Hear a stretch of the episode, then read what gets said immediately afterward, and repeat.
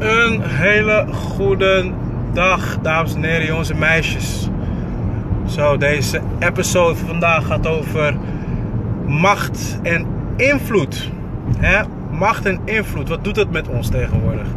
Als we kijken naar ehm, de entertainmentindustrie, dan ehm, staat dat bijna gelijk aan elkaar. Hè?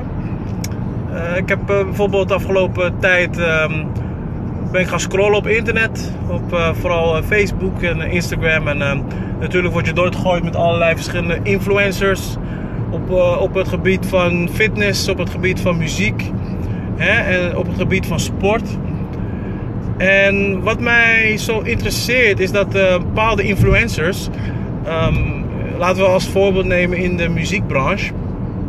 Als zij bijvoorbeeld politieke voorkeur hebben of overtuiging hebben, dat dat bijna wordt gezien als de waarheid. De waarheid door hun volgers, hun fans. In eerste instantie ben je beroemd geworden door hè, het zingen, of het rappen, of het dansen. En op andere vlakken, in dat geval het politieke vlak, ja, daar heb jij in eerste instantie niet echt veel kaas van gegeten. Vooral het feit dat, ehm, dat je vertelt dat je geen boeken leest. Of niet eens weet wat bepaalde, bepaalde ehm, laten we zeggen, tendens is. Of bepaalde invloeden zijn in deze maatschappij. Waardoor er dus eh, een bepaalde koers wordt geweken bij mensen. Dat je daar niet van bewust bent of dat niet eens weet. Maar wel de waarheid pacht aan jouw netwerk. En vertelt dat je daar vandaan puur jezelf richt op het vrij denken, dan vind ik dat je toch wel boot hebt gemist. En ik ben natuurlijk niks voor niks begonnen met ehm, het stukje power van, van Kanye West. Ik ben een echte, echte fan van Kanye West. Op het gebied van zijn muziek wel te verstaan. Eh, op, op het gebied van zijn politieke overtuigingen of het feit dat hij een maand geleden, en ergens eind april, begin mei, ehm, met de tweet aanval begon en daarin dus ook president Trump daarin ehm, ja, endorste.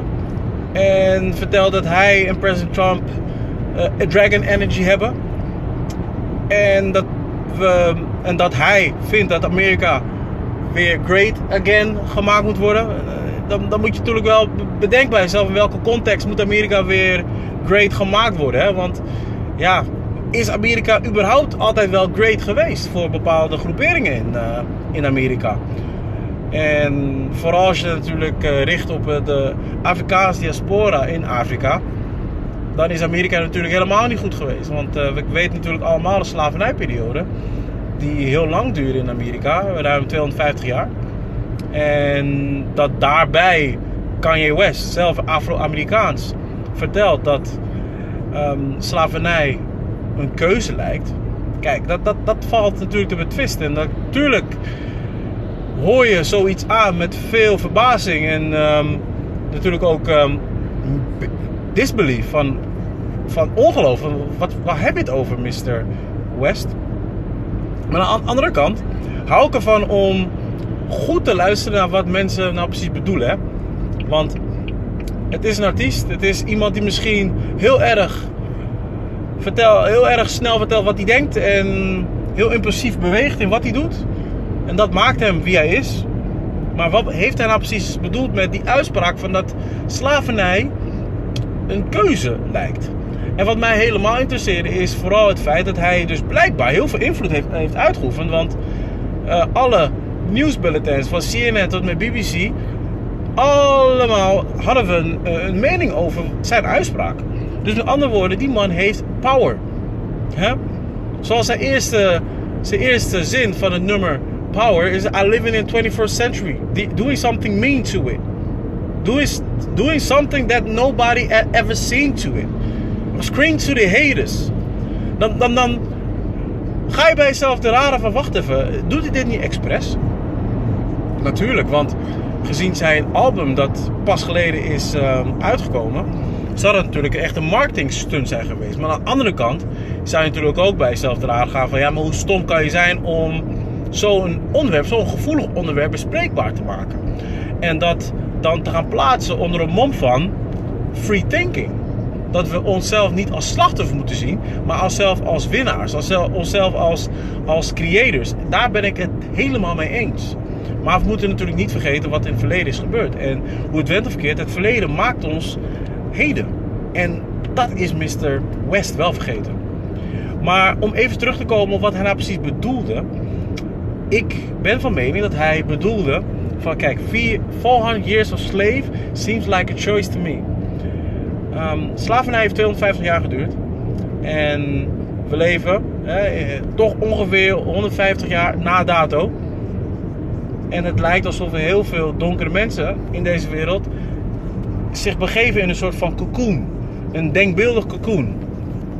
Zoals ik in mijn vorige um, podcast al had gezegd: van joh, uh, we zijn entrepreneurs, we zijn goed bezig, maar we zijn vis in hetzelfde vijvertje. Terwijl er misschien aan de overkant een hele zee zich begeeft van mogelijkheden. Maar wij te lui zijn om echt onze research te doen. En onszelf te navigeren naar zo'n zee. En misschien bedoelde kan je daar wel mee. Van jongens, ehm, er is zoveel mogelijk. Er zijn zoveel opportunities gaande. Maar we zitten nog steeds trapped in onze slavernij-thinking.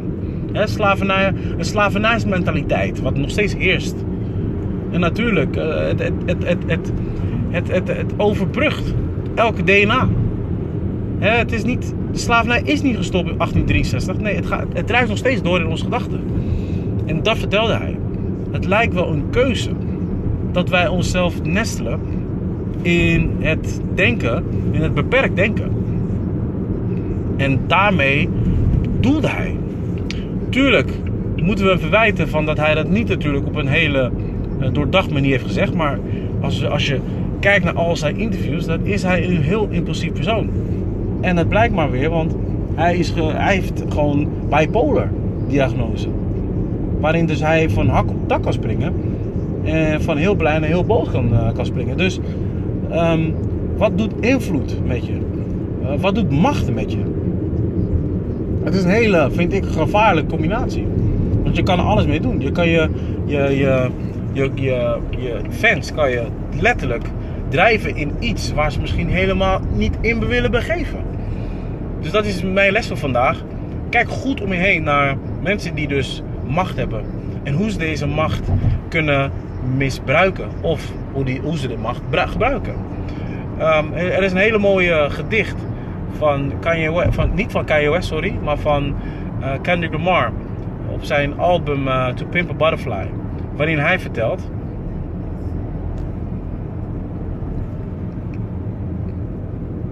Hij vertelt daarin dat macht op een zo'n manier misbruikt kan worden. Dat wil ik vertellen. one, Emmanuel.